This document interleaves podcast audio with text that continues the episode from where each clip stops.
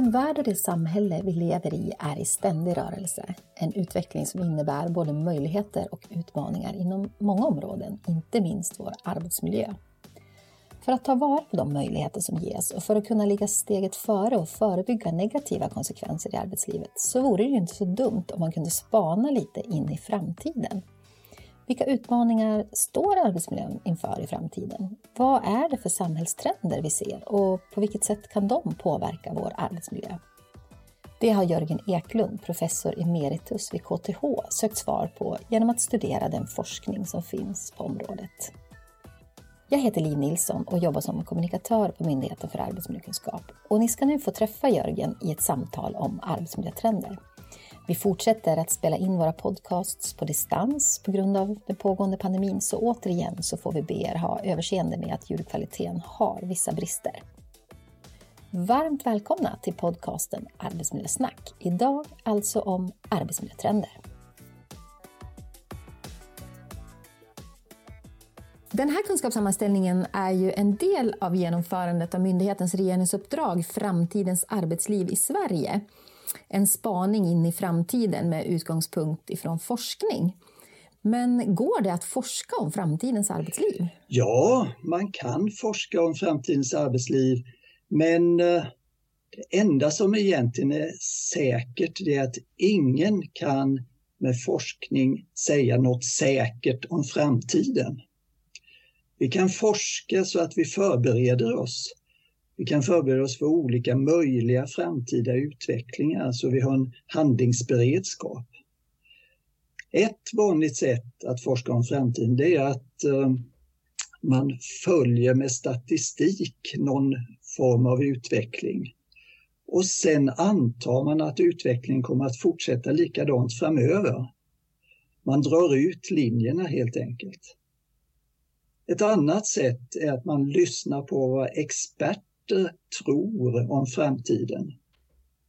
Man kan också undersöka åt vilket håll beslutsfattare försöker driva utvecklingen. Det kan ge också en bra indikation på vilket håll som framtiden kommer att utvecklas framöver. Men eh, sen kommer det att hända saker som ger en utveckling åt ett håll som vi överhuvudtaget kanske inte har förutsett. Precis, och den del som du har sammanställt inom ramen för det här regeringsuppdraget om framtidens arbetsliv i Sverige, det handlar om trender och beskriver förändringar och trender när det gäller arbetsmiljö i Sverige och hur det hänger ihop med förändringar och trender i omvärlden. Kan, kan du berätta lite om hur du har gått tillväga för att, att göra den här sammanställningen? Ja, arbetslivet det påverkas ju av samhället och olika förändringar som sker i samhället. Om vi då följer samhällstrender så kan vi upp, skapa oss en uppfattning egentligen om hur arbetslivet kommer att förändras. Äh, vi tar om det här från början. Ja. Ja. Ja, kör du. Ja, arbetslivet det påverkas ju av samhället och också förändringar och trender som sker i samhället. Om vi då följer samhällstrenderna så kan vi skapa oss en uppfattning om hur då arbetslivet kommer att förändras. I den här kunskapssammanställningen om arbetsmiljötrender så har vi då tittat speciellt på samhällstrenderna för att kunna förstå vilka drivkrafter som finns för arbetsmiljöförändringarna. Några exempel på sådana här samhällstrender, det är ju digitaliseringen och det är nya anställningsformer. De här trenderna har ju belysts mer ingående i två separata kunskapssammanställningar från EPO Mynak.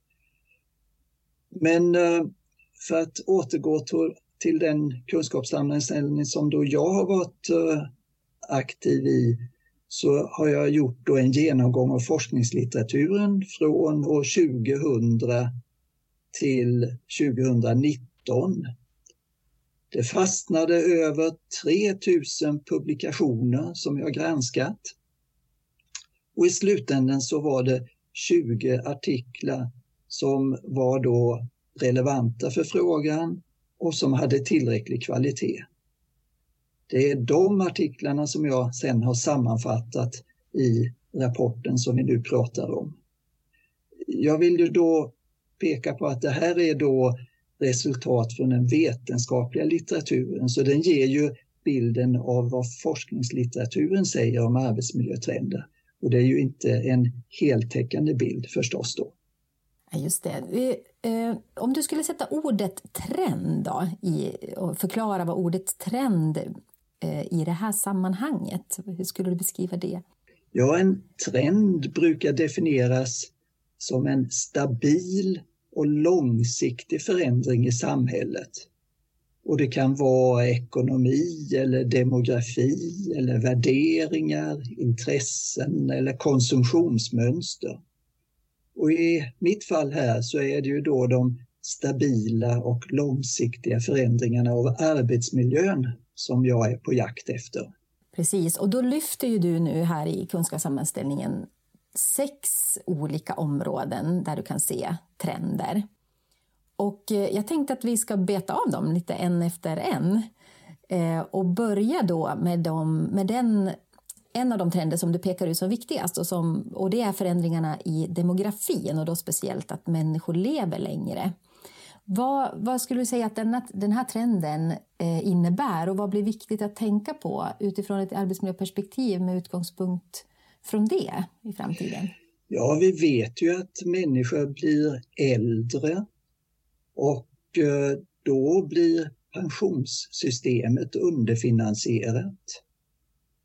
Och som en åtgärd mot det så höjer många länder pensionsåldern och vi gör ju samma sak här i Sverige. Det här får ju då vissa konsekvenser. Till exempel så finns det en del väldigt fysiskt krävande yrken där den reella pensionsåldern redan idag är mycket lägre än 65 år.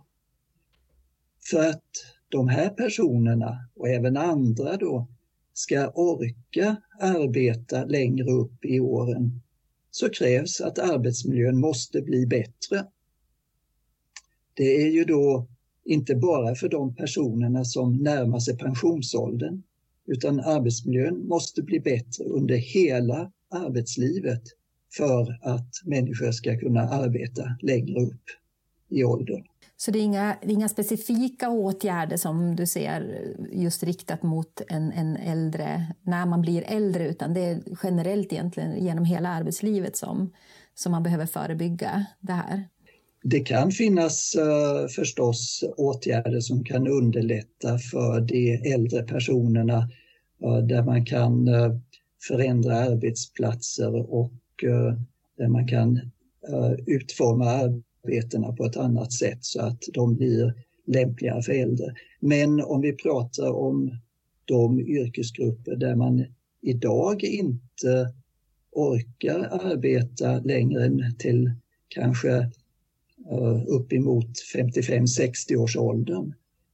Då är det ju eh, sådant som eh, påverkas av arbetsmiljön under hela arbetslivet. Så därför är det viktigt att man också förbättrar arbetsmiljön. Och det gör man då under hela arbetslivet, så det ska gälla samtliga personer. Och det blir ju också andra åldersgrupper får ju nytta av den förändringen på samma sätt. Precis. Det, skulle du kunna peka, kan man säga att det är några specifika branscher eller så, eller är det generellt i arbetslivet? Eller skulle du kunna säga att det är någon spe, vissa specifika branscher som borde vara lite extra aktsam på det här? Ja, en bransch som har nämnts i diskussionerna kring de här frågorna är ju bland annat eh, byggbranschen där eh, byggnadsarbetare ju går i pension väldigt tidigt. Så det är ett exempel på en sådan bransch. Om vi går vidare så har ju också, är ju också arbetsorganisation och psykosocial arbetsmiljö, det är också ett område som du har tittat närmare på. Och vad kan man se för trender där? Ja, um, vi kan se att uh, frågor om psykisk ohälsa, stress, utmattning, de har blivit mer aktuella. Och eh, Vi ser också att gränserna mellan arbete och fritid håller på att suddas ut. Vi kan också se att våld, hot och trakasserier har ökat. Och inte minst mot eh, personer som arbetar i offentlig service. Flexibilisering, globalisering, decentralisering är andra begrepp som eh, vi vet påverkar arbetsmiljön i allt högre grad. Och eh, vi kan då se en försämring av arbetsmiljön i arbetsintensiv serviceproduktion, alltså typ post, transport, hotell, restaurang, städning, callcenters och så vidare. Men vi kan också se en förbättring för personer som arbetar i till exempel högteknologiska kunskapsintensiva arbeten. Så orsakerna till det här och de här förändringarna, de behöver ju beforskas mer. Men också hur man kan komma till rätta med problemen. Alltså hur man åtgärdar dem. Det är en väldigt viktig fråga. Inte bara att veta att, utan man måste veta också hur. Kan du säga någonting om vilken typ av, av problem man ser i de områden som du nämner där? Eller är det någonting man behöver beforska vidare? Ja, alltså den frågan som ju har varit väldigt mycket diskuterad på senare tid är ju den kraftiga ökningen av psykisk ohälsa som vi ser.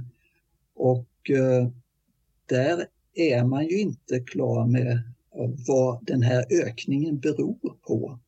Så det är ju ett exempel på en fråga där man behöver ha mer kunskap om vad beror den här ökningen på och i nästa steg, vad kan man göra för att åtgärda den här ökningen? Hur kan man minska den psykiska ohälsan med olika former av åtgärder?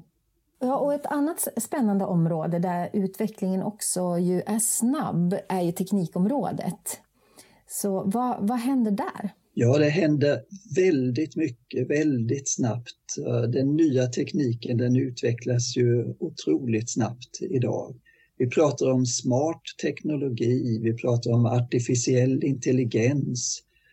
Vi får robotar till många fler användningsområden än bara inom industrin. Man pratar om olika former av algoritmer som då eh, man använder i digitaliseringen. Så många arbetsuppgifter kommer att tas över av den nya tekniken. Det finns uppskattningar på att inom kanske 5, 6, 7 år så kommer 40 procent av dagens arbetsuppgifter att tas över av den här typen av ny teknik. Tänk till exempel bara självkörande bilar som ett enda exempel av väldigt många. Men det kommer också många nya arbetstillfällen med den här nya tekniken. Så det vi ser nu är att tekniken kommer ju också att ta över arbetsuppgifter som tidigare utfördes av tjänstemän och akademiker. Det är lite nytt för oss här. Här är det ju viktigt att den nya tekniken redan från början utformas så att den är anpassad efter användarna och på det sättet kan bidra till en bättre arbetsmiljö. Så man ser egentligen att det, det kommer, det seglar upp nya arbetsmiljöer helt enkelt kan man säga, även inom teknikområdet. Ja, det seglar upp nya typer av arbeten och med det så följer nya arbetsmiljöer. Och ofta är det så att eh, man har inte förutsett alla typer av arbetsmiljöproblem eller för den delen alla möjligheter som kan finnas med den här utvecklingen. Så därför är det extra viktigt kan man säga att man är uppmärksam på de här förändringarna och jobbar på ett förebyggande sätt där man försöker åtgärda de här och tillvarata de möjligheter som finns i ett tidigt stadium innan man har befäst en dålig teknik eller en dålig arbetsmiljö. Vad kan du säga om trenderna när det gäller arbetstiderna vi jobbar? Ja, eh, vad gäller arbetstider så finns det inte så speciellt många studier som har uh, fokuserat det i den översikten jag har gjort. Uh, men det finns en studie som har tittat på detta och den hävdar då att det tycks inte ske så stora förändringar i arbetstid. Den här åtta timmars arbetsdagen, den är fortfarande dominerande. Eh, men det här diskuteras ju och testas olika varianter på olika håll i världen förstås. Eh, men eh, en förändring som man har upptäckt här är ju att det har blivit vanligare i vissa arbeten med 12 timmars arbetsdag. Resultaten från det här är blandade där arbetstagare i vissa typer av skiftarbeten föredrar 12 timmars arbetsdag för att de på det sättet får färre arbetsdagar. Det kanske blir tre arbetsdagar i veckan då. Men eh, nackdelen är att de här väldigt långa arbetsdagarna de ger ju ökad trötthet. Vi kan se ökade olycksfallsrisker, felhandlingar, försämrad arbetsprestation och sömnsvårigheter som en följd av detta. Så eh, de här negativa konsekvenserna eh, måste ju ställas eh, mot de positiva konsekvenser som finns. Och om man ska försöka hitta vilken typ av arbeten där det kan fungera så kan man säga att i arbeten där man har mer övervakning och Eh, låg intensitet i det man gör. Där tycks det kunna fungera lite bättre med 12 timmars arbetsdag. Men i arbeten med hög arbetsintensitet så blir det väldigt mycket av de här negativa konsekvenserna. Mm. Ja, ett annat område där man, där man också kan urskilja trender kopplat till arbetsmiljön är säkerhet och regelsystem som du lyfter fram i sammanställningen också. Vad, vad kan du säga om det? Ja, säkerhetskultur, det är ju ett begrepp som har blivit väldigt mycket uppmärksammat på senare tid och det har utvecklats väldigt mycket. Det har blivit mycket kunskap om det här begreppet. Och eh, vi vet ju då idag vad som utmärker säkra företag som har en god säkerhetskultur. Det kännetecknas bland annat av att eh, de här företagen har ett aktivt ledningsstöd. De har ledningssystem som är väl integrerade i verksamheten. De har ett stort engagemang hos de anställda och de har också effektiva utvecklingsförändringsstrategier. Men trots att vi vet väl om vad som skapar den här typen av goda kulturer så finns det allt för många företag som inte har kommit dit än. Mm. Så en väldigt viktig forskningsfråga är ju då hur ska man göra när man vill utveckla och etablera de här goda säkerhetskulturerna i organisationerna? Alltså återigen det är inte fråga om vad, utan nu är det en fråga om hur gör man? Och det, kan man, det finns goda exempel på det, skulle du säga, eller? Ja, det finns uh, goda exempel på företag som har kommit långt i det här med att etablera en god säkerhetskultur och där man också uh, ser uh, väldigt positiva förändringar av detta. Mm. Så absolut, det finns eh, mycket positivt att hitta här i den mm. utveckling som vi har sett i senaste decenniet kanske. Är det någon särskild bransch där också som, som utmärker sig, skulle du kunna säga? Eller? Ja, man kan säga både och. Dels så kan man säga att det finns positiva exempel i alla typer av branscher, såväl som att det finns uh, mindre goda exempel där. Men om jag skulle nämna en bransch så skulle jag nämna kärnkraftsindustrin där man ju har arbetat väldigt intensivt med eh, säkerhetsfrågor och eh, säkerhetskulturen. Det kan man säga är en föregångsbransch i sammanhanget. Eh, du tar också upp eh, interventioner och arbetsplatsförbättringar eh, som en trend. Kan, kan du berätta mer om det också?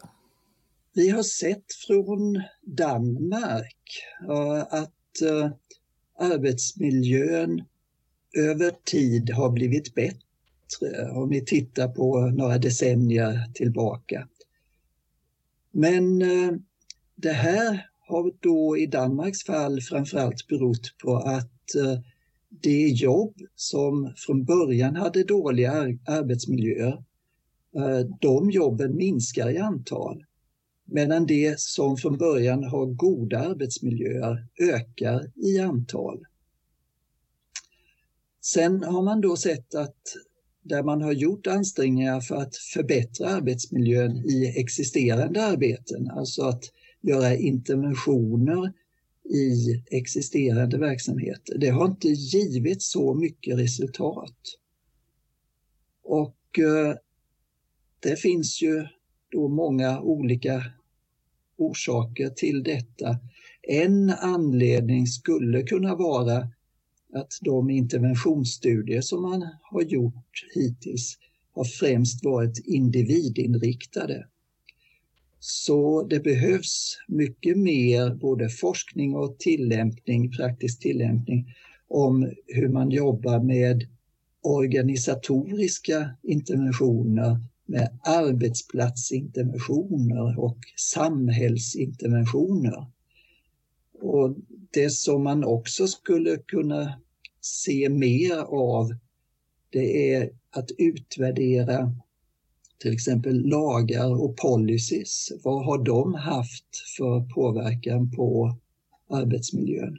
Så här finns ett forskningsbehov inom det här området och det finns också ett behov av att ändra inriktningen på de interventioner som genomförs. Ja, du har ju lyft eh, lite risker tidigare nu när vi har pratat, men om vi specifikt eh, fokuserar lite på risker så tänkte jag fråga om du ser några sådana kopplat till arbetsmiljön med några av de här med någon eller några av de här identifierade trenderna? Ja, det övergripande resultatet från våra litteratursammanställningar det är att eh, samhällsförändringarna vi ser kan ge både positiva och negativa arbetsmiljökonsekvenser. Då blir det viktigt för hur de enskilda organisationerna agerar för att arbetsmiljön ska bli så bra som möjligt. Om jag ska nämna några risker specifikt så kan det vara globalisering i kombination med ökad konkurrens.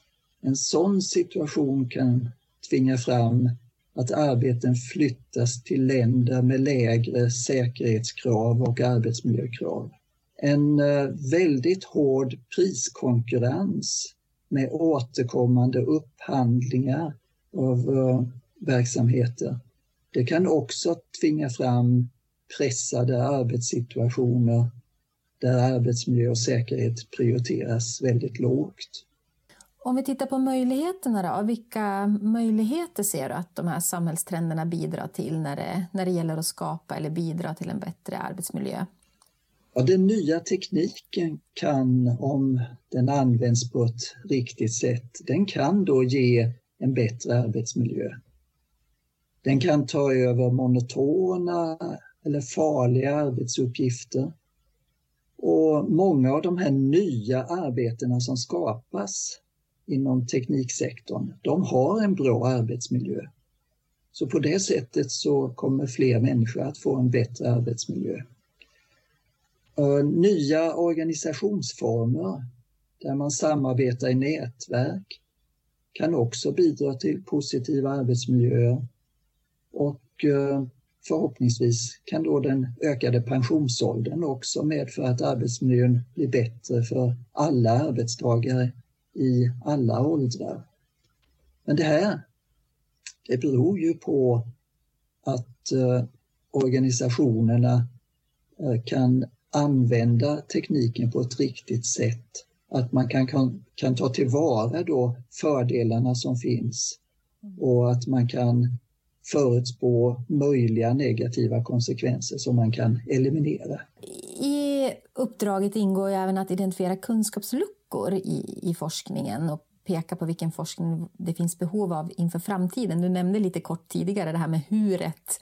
Eh, vill du utveckla det lite grann eller är det något mer som du ser saknas? Ja, en uh, kunskapslucka det är ju då orsaker till och uppkomstmekanismer till den ökande psykiska ohälsan som vi har varit inne på här nyligen. Här. En annan sådan kunskapslucka är ju då detta med interventioner på arbetsplatser, interventioner i organisationer och också interventioner på samhällsnivå. Vi vet mycket om problemen, men vi vet inte tillräckligt om hur vi ska göra när vi åtgärdar problemen. Mycket forskning som eh, vi har sett hittills, det har handlat om dålig arbetsmiljö och negativa hälsoeffekter av det. Men vi behöver mer forskning om vad en god arbetsmiljö får för positiva effekter. Och vi vet ju att eh, det får positiva effekter på kvalitet, på produktivitet, på ekonomi i många fall och det får andra systemeffekter. Så det här är ett område som jag menar är väldigt viktigt att uh, fortsätta att forska kring för att uh, minska kunskapsluckorna inom det här området. Om, om du skulle genomföra en eller ja, flera forskningsstudier som kompletterar bilden, vad, vad, skulle du vilja satsa på då? Om jag bara får välja en studie som jag skulle vilja genomföra, då skulle det bli en väldigt bred och tvärdisciplinär studie som undersöker arbetsmiljöns systemkonsekvenser, alltså precis det vi har pratat om här. Och jag skulle utforma den så att man tittade brett på vad får det för konsekvenser för samhället, för organisationerna, för de enskilda arbetsplatserna och också för individerna. Och det här skulle då inkludera systemprestanda som ekonomi, produktivitet, kvalitet, säkerhet, välbefinnande och hälsa. Mm. Det vill säga att kunna få en mer holistisk bild på vad arbetsmiljön påverkar. Ja, det låter som en intressant studie verkligen. Vilk, vilken av de trender som du har identifierat tror du kommer ha störst inverkan på oss i arbetslivet framåt nu då? Jag tror att uh, den nya tekniken tekniken och digitaliseringen är nog det som kommer att påverka oss mest. Och som vi har sett från de här litteraturstudierna så kan vi se både positiva och negativa konsekvenser. Så det gäller ju att vi kan få bättre kunskap och medvetenhet om det här så att vi kan stärka de positiva effekterna och minska de negativa effekterna. Om du kan, vad skulle du säga, vilka är de viktigaste förändringarna tycker du som behövs för att skapa goda arbetsmiljöer inför framtiden? Jag tror att en väldigt viktig del av det arbetet ligger hos olika beslutsfattare. Jag tror det är väldigt viktigt med kunskap om arbetsmiljön. Men det räcker inte med kunskap. Jag skulle säga att det som behövs hos beslutsfattar, beslutsfattarna då, det är kunskap, förmåga och incitament. Utbildningen i arbetsmiljö av bland annat ingenjörer och ekonomer är oerhört viktig för att eh, efter några år så är det många av dem som blir chefer och beslutsfattare.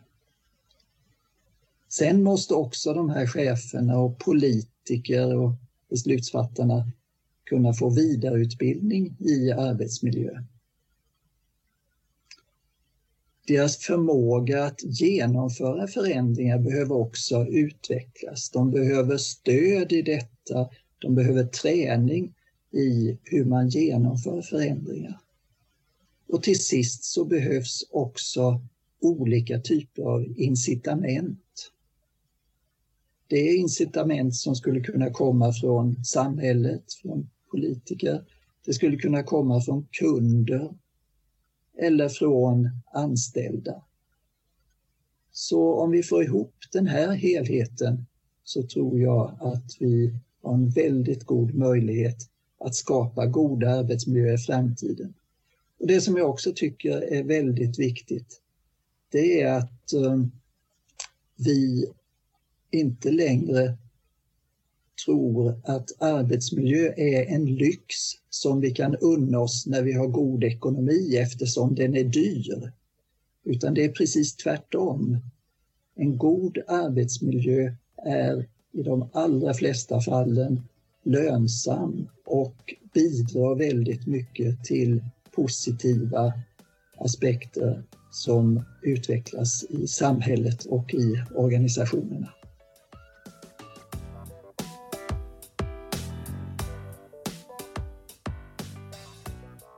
Jörgen Eklunds sammanställning Arbetsmiljötrender ingår i kunskapssammanställningen Framtidens arbetsmiljö, trender, digitalisering och anställningsformer som är en del av genomförandet av vårt uppdrag att sammanställa nationell och internationell forskning om framtidens arbetsliv i Sverige. Kunskapssammanställningen i sin helhet hittar du på vår webbplats www.minak.se. Tack för att du har lyssnat!